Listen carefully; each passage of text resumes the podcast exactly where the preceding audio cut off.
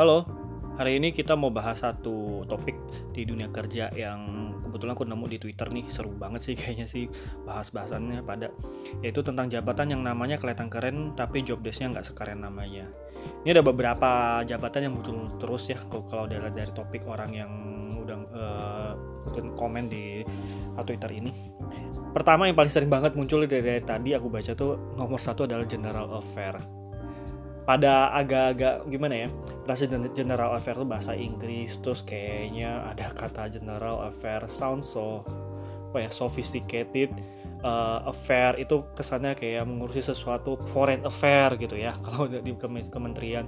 Tapi di general affair dan ternyata kerjaannya kalau di sini ngaku-ngakunya malah itu uh, pesan aqua gantiin kopi, beli gula, ngurusin fotokopi, panggilin tukang uh, apa namanya?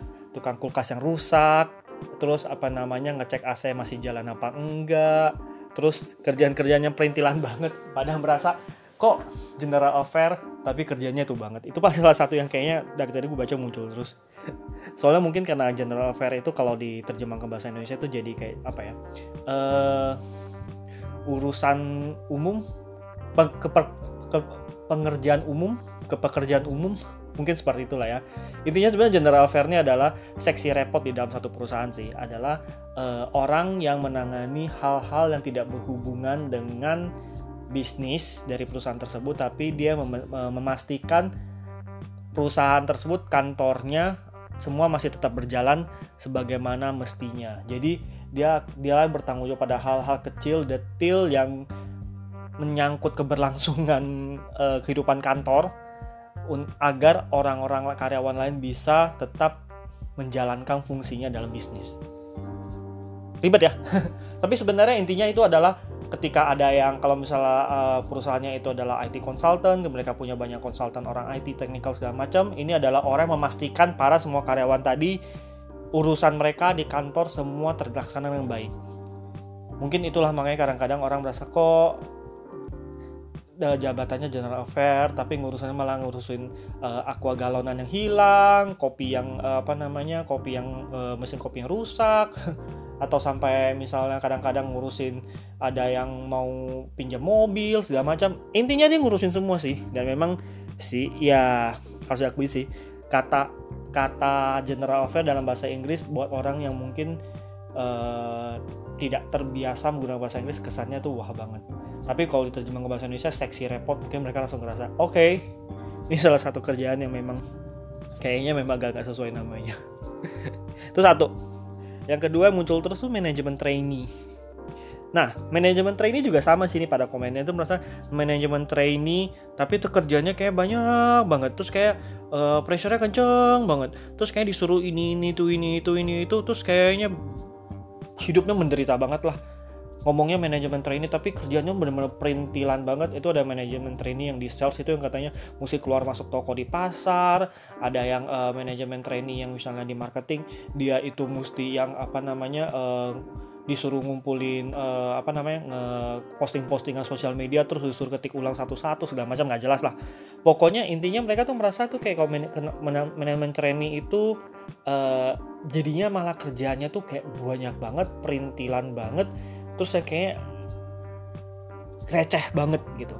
Padahal sebenarnya nih ini mungkin juga salah satu apa ya yang harus dimengerti orang juga kalau dari manajemen trainee itu artinya manajemen trainee uh, artinya orang yang sedang di training untuk menjadi bagian dari manajemen sebuah perusahaan. Artinya memang itu adalah orang-orang terpilih eh, karyawan-karyawan terpilih. Kadang-kadang itu anak lulusan-lulusan kuliah yang baru lulus ada juga baru mulai kerja satu dua tahun. Yang masih masih muda-muda lah. Yang dipilih seleksi secara khusus dengan ketat untuk diberi kesempatan uh, mengikuti suatu proses seleksi dalam perusahaan sehingga mereka akan uh, kalau sukses lulus seleksi mereka akan mendapatkan jalur khusus untuk menjadi bagian dari manajemen perusahaan tersebut. Jadi sebenarnya itu kayak program apa ya?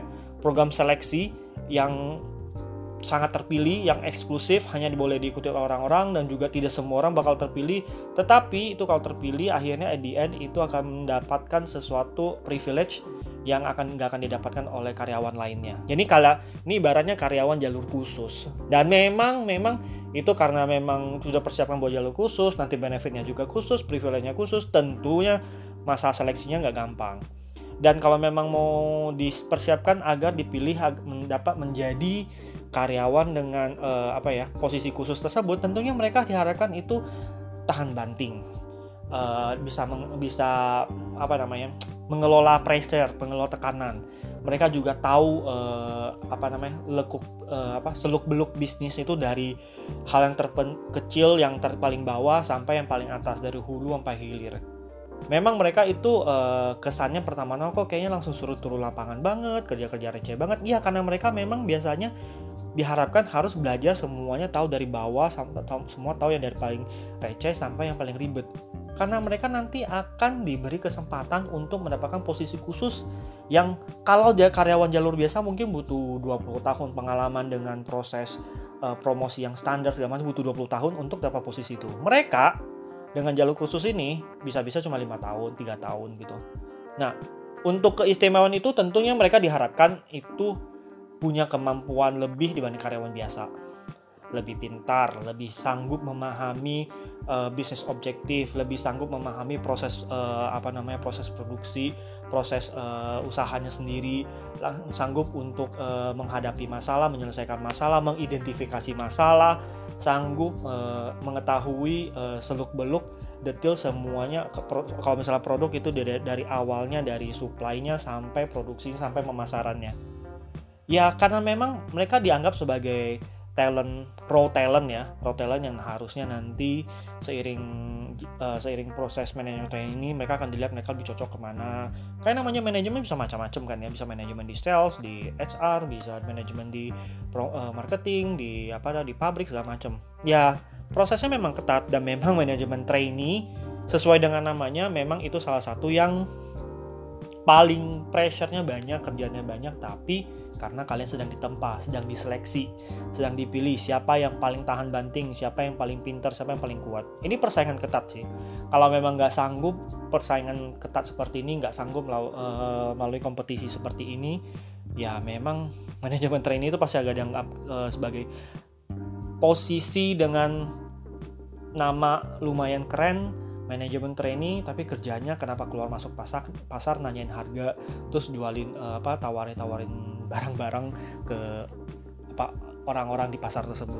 Yang kesannya kayaknya S2 lulusan S2 masuk perusahaan gede tapi kok disuruh beginian ya berarti kamu masih belum cocok kali uh, program manajemen trainee sehingga kamu memang belum sanggup melihat pro program ini lebih jauh.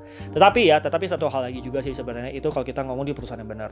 Baju juga perusahaan-perusahaan yang sebenarnya uh, manajemen training ini ini balik lagi ya, lebih ke perusahaannya sendiri. Kadang-kadang uh, perusahaan yang manajemen training malah dijadikan semacam apa ya? program program terselubung untuk mendapatkan karyawan yang siap disuruh ngapain aja ya makanya pintar-pintar kalian juga kalau ada tawaran posisi sebagai manajemen trainee lihat dulu program manajemen trainee seperti apa berapa lama apa yang bisa kamu dapatkan dari sana gitu. Nanti kapan-kapan kita bahas deh ya lebih lanjut manajemen training nih kerjaan lain-lain uh, salah satu posisi lainnya juga katanya dari namanya kesan banget tapi kerjanya ya nggak cemen-cemen amat sih cuma kayaknya beda banget itu visual merchandiser yang ternyata kerjanya adalah ngatur-ngatur uh, apa namanya uh, etalase, ngatur-ngatur uh, manekin. Kesannya visual merchandiser, tapi kok malah disuruh ganti baju manekin segala macam. Ya, namanya visual merchandiser mungkin sekelas itu kesan wah banget visual merchandiser tapi visual merchandiser kalau kita balik-balik lagi kita artikan lagi ke namanya sendiri visual merchandiser.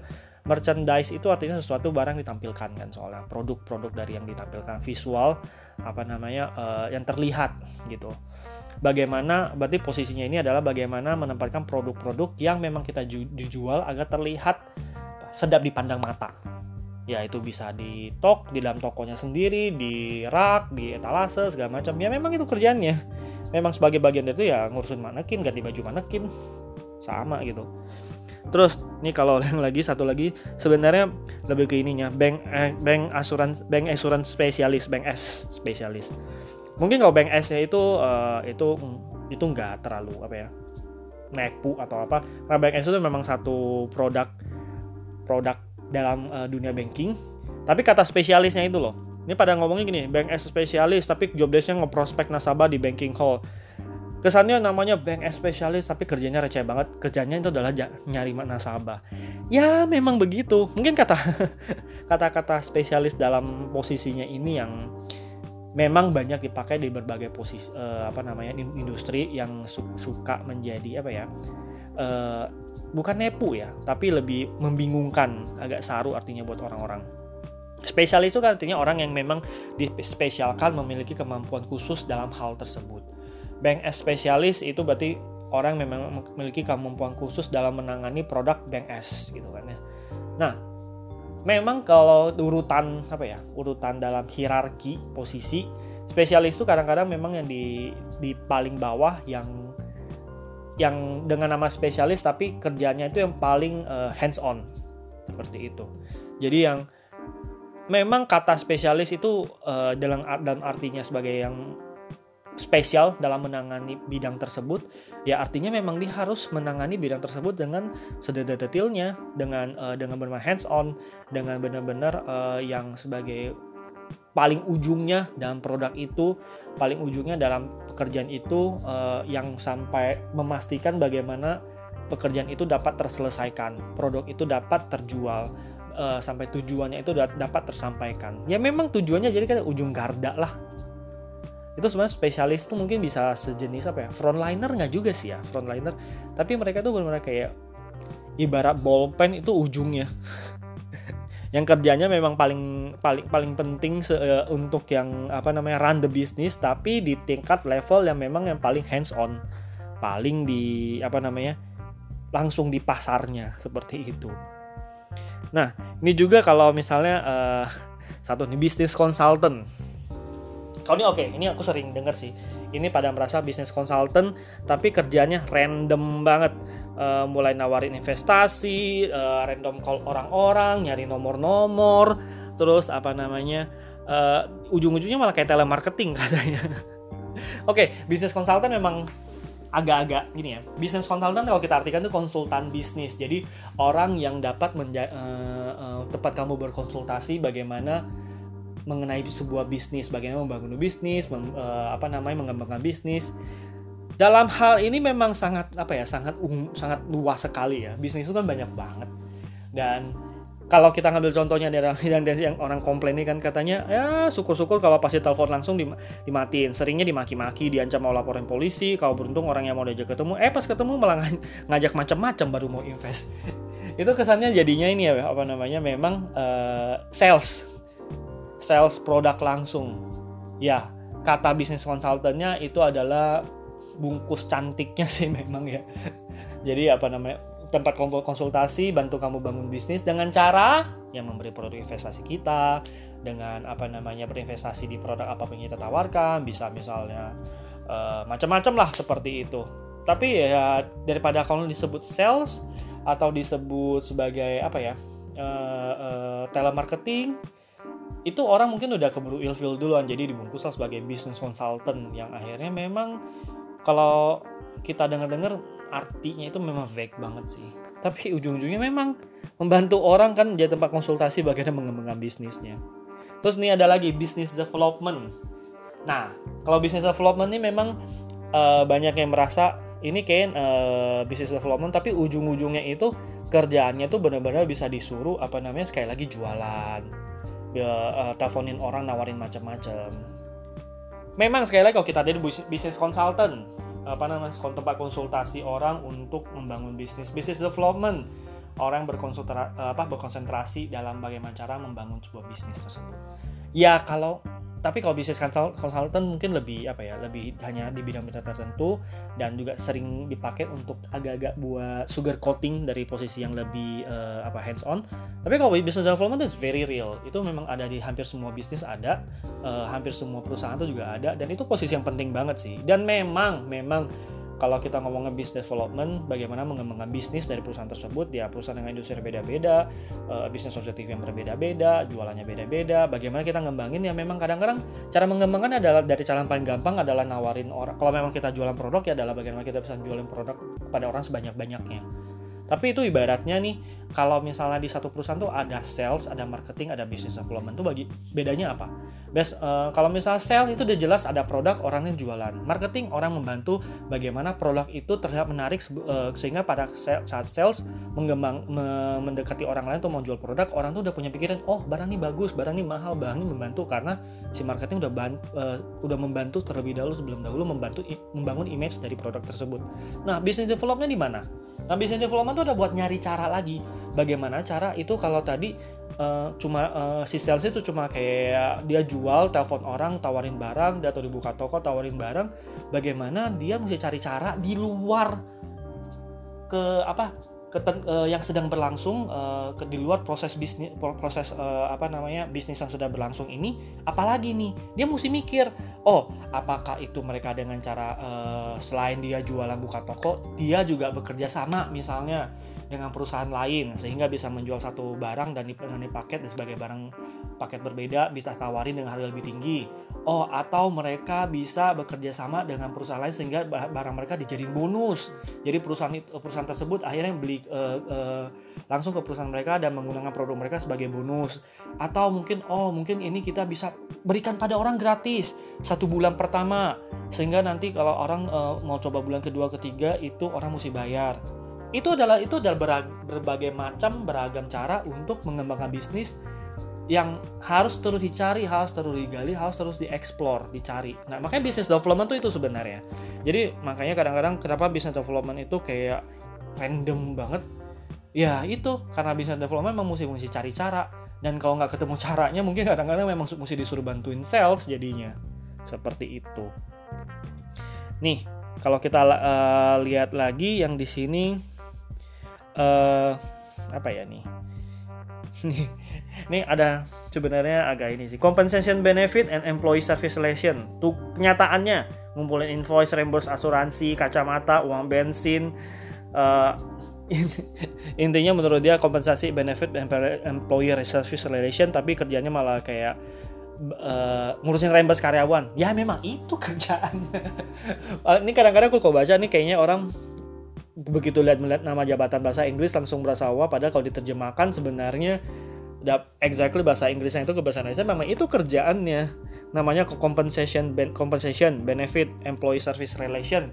Memang dia mengurus kompensasi terus benefit benefit buat karyawan dan juga uh, apa namanya uh, mem, uh, mem, memanage tentang uh, service yang di layanan-layanan uh, yang diterima oleh karyawan ya apa aja. Ya tentu salah satunya reimbursement salah satunya. Yang paling banyak benefit itu kan paling besar tuh reimbursement. Kompensasi juga salah satunya itu bisa reimbursement. Mungkin di luar itu kompensasinya ada berupa bonus segala macam. Tapi ujung-ujungnya kalau kamu mem untuk memastikan semua itu ya memang salah satu kerjaan paling receh kamu adalah ngumpulin in, apa namanya invoice reimbursement. Ya gitu deh. Terus kalau misalnya ini ini satu juga. Marketing communication. Ini ada komplain marketing communication tapi job desknya nggak kayak gitu deh perasaan. Malah analis market analis persaingan evaluasi penjualan. Ya kalau ini sih kayaknya memang perusahaannya agak ngaco. Kalau soalnya kalau marketing communication itu adalah markom markom itu berarti dia uh, memanage komunikasi da dari perusahaan tersebut untuk kepentingan marketing jadi itu bisa berupa iklan, bisa berupa postingan sosial media, bisa berupa apa namanya message-message yang harus sampaikan influencer sebenarnya. Itu markom sebenarnya dan itu memang agak clear, clear sih sebenarnya. Nah, ini ada satu lagi uh, yang sering orang bingung juga, account eksekutif account eksekutif itu uh, dia bilang nih account eksekutif tapi kerjanya mulai dari prospek calon klien ngedilin after sales segala macam sampai ada komplain lagi outstanding segala macam. Ya memang sih kalau dalam perusahaan yang orangnya agak banyak itu uh, kerjanya tadi kan seharusnya dibagi ada bagi ya. Ada pre sales ada uh, account uh, account management ada juga apa namanya uh, apa uh, sales supportnya gitu kan ya tapi sebenarnya kalau udah account eksekutif atau account manage, manager itu memang tujuan kamu adalah memanage account ingat account itu klien account itu nama uh, nama lain dari klien dan tujuan kamu adalah sebagai jembatan antara klien dengan perusahaan kamu. Jadi apa pun itu harusnya mulai pada saat mulai apa namanya sudah mulai uh, pendekatan terutama kalau udah mulai jalan itu kamu memang mesti menjadi penerjemah antara keinginan klien dengan uh, juga uh, yang bisa disanggupi oleh perusahaan kamu. Ya memang kerjanya itu sih. Kerjanya memang um, ngurusin klien, dimarah-marahin klien. Ketika kayak minta A dengan harga segini, kamu mesti bawa balik ke dalam perusahaan kamu, terus dimarah-marahin sama orang kamu, gila tuh, harga segini minta segini, nggak bisa, bilang ke dia nggak bisa. Memang tugas kamu tuh messenger sih sebenarnya messenger yang mesti ngebaik-baikin dua-duanya sih memanage perasaan orang uh, ekspektasi dari klien kamu dan juga memanage ekspektasi dari orang-orang di perusahaan kamu. Ini satu lagi art director. Art director itu memang aku apa namanya uh, orang sering bingung ya. Jadi art director kesannya tuh director, ada direkturnya gitu. Kalau apa namanya creative director, art director itu kesannya tuh direktur. Jadi itu sama dengan sales director, marketing director. Uh, enggak sih. itu nah kalau itu benar itu uh, sempah uh, uh, awal-awal gue juga sempat agak bingung sih karena marketing director itu kan direktur marketing direktur pemasaran direktur sales itu sales director art director itu bukan direktur uh, seni. Tapi itu benar-benar director. Director apa? Direct orang yang mendirect. Darang direct tuh uh, kalau kita direct tuh ke bahasa Inggris director itu kan semua sutradara pengarah. Ya di sini jadinya pengarah seni peng, uh, pengarah art peng, uh, pengarah kreatif. Memang dia jadinya uh, orang yang memang posisinya tinggi. Karena dia bukan yang melang, langsung ngerjain di Photoshop segala macam. Ini di di di bidang kreatif ya bukan orang yang langsung uh, Photoshop dan suruh nge logo enggak. Tapi memang dia meng, yang mengatur arahnya ini mau ke mana apakah dengan ketika klien memberi brief mau bikin iklan dengan seperti ini yang harus terlihat seperti ini dengan produk seperti ini dia yang dia yang punya mesti punya bayangan punya punya visi punya visual itu nantinya ke arah kita mesti lebih gini nih mesti lebih nyala mesti lebih gini. Itu art director bukan direktur.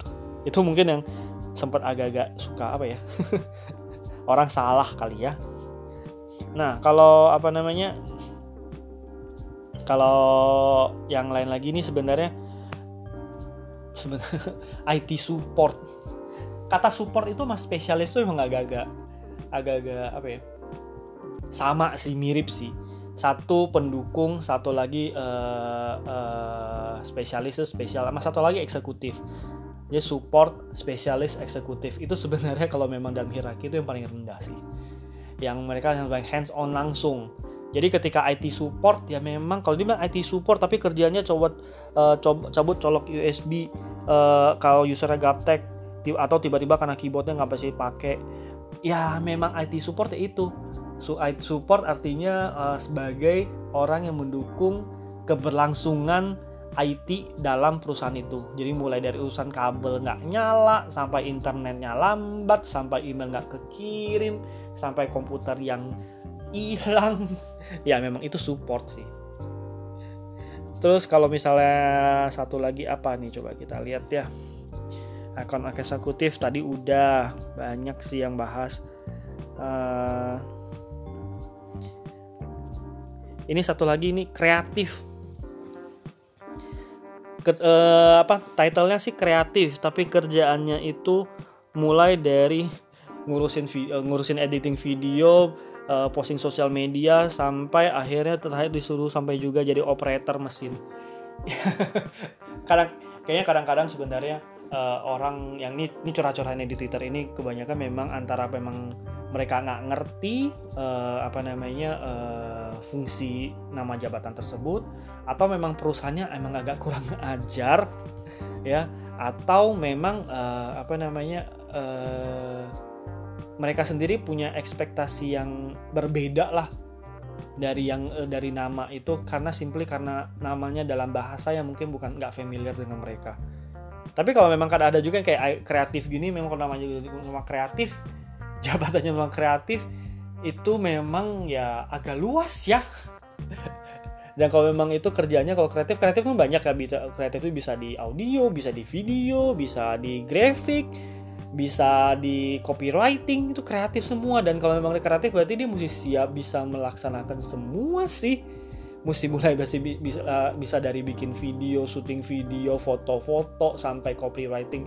Jadi kalau misalnya itu kreatif di timnya let's say kreatif di timnya salah satu influencer ya kamu memang mesti begitu mesti bisa foto si fotonya si influencer bikin uh, uh, captionnya bisa editing videonya bisa apa namanya mungkin malah suruh make upin namanya juga kreatif ya jadi gitu deh tapi lucu juga sih memang ini apa namanya uh, pekerjaan-pekerjaan yang titlenya bikin apa ya bikin orang agak-agak bingung kok title begini kerjaan begini.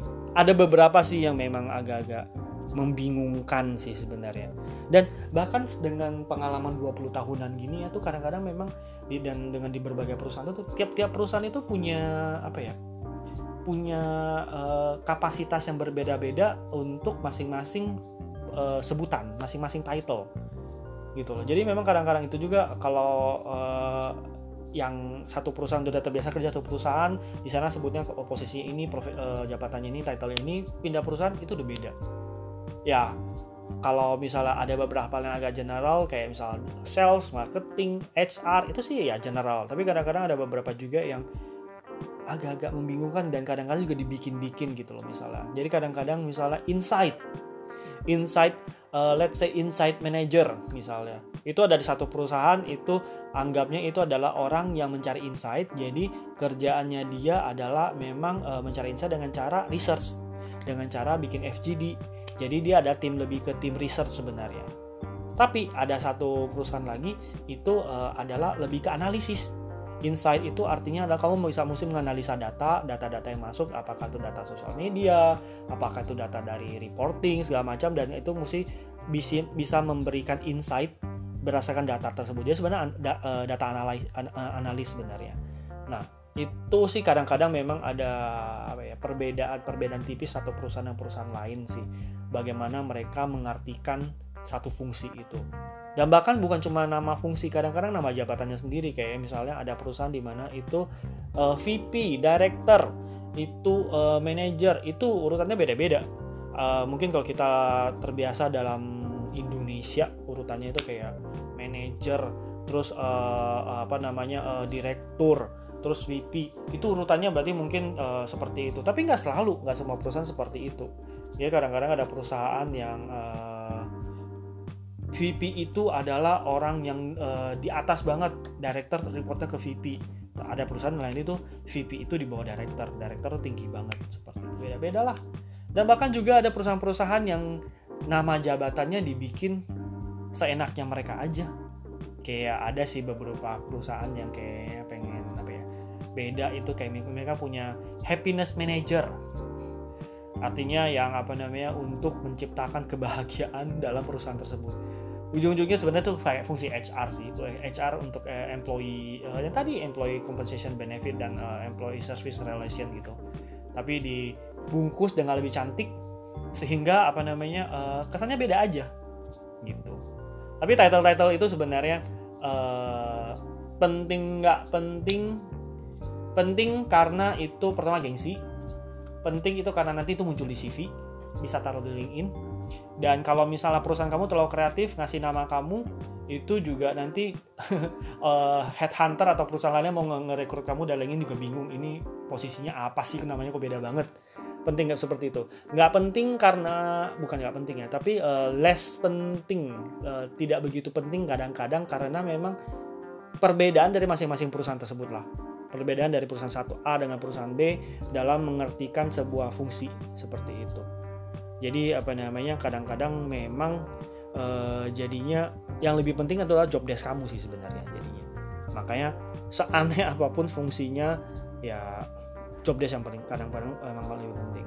Dan buat yang merasa suka, merasa kayak ketipu dengan nama jabatan segala macam nama jabatan ini kenapa kerjanya ini ya dari perusahaan kalian sendiri sih sebenarnya itu. Dan juga pada saat kalian direkrut ya mungkin kalian pada satu nggak punya pilihan. Jadi ya kerja apa pun terima aja dan memang nggak punya privilege untuk bisa mencari pekerjaan lain ya terpaksa memang mesti disabar-sabarin dulu. Tapi kalau memang kalian punya kesempatan untuk uh, apa namanya pada saat mau lamar segala macam coba dibaca baik-baik job desknya. Dan sebenarnya banyak kebanyakan kebingungan seperti ini adalah antara perbedaan dari ekspektasi kamu terhadap pekerjaan itu dan bagaimana pekerjaan itu uh, apa yang kamu lakukan dalam pekerjaan itu dengan yang sebenarnya di expect dari fungsi pekerjaan itu itu sih yang kadang-kadang mungkin beda di sana sih. Tapi sebenarnya kalau kita lihat kita telah lagi tadi ya rata-rata sebenarnya itu cukup clear. Memang ada perusahaan-perusahaan yang busuk-busuk juga sih. Ya kalau bisa hindari hindari, kalau bisa di nego-nego, toh apa namanya semua itu apa namanya uh, apa ya karir jurninya kamu lah gitu. Itu aja sih. Lain kali kita bahas lagi deh lebih lanjut apa namanya lebih detail tentang fungsi-fungsi ini banyak banget sih ya, cerita-cerita lucu sih makanya sampai next time deh dah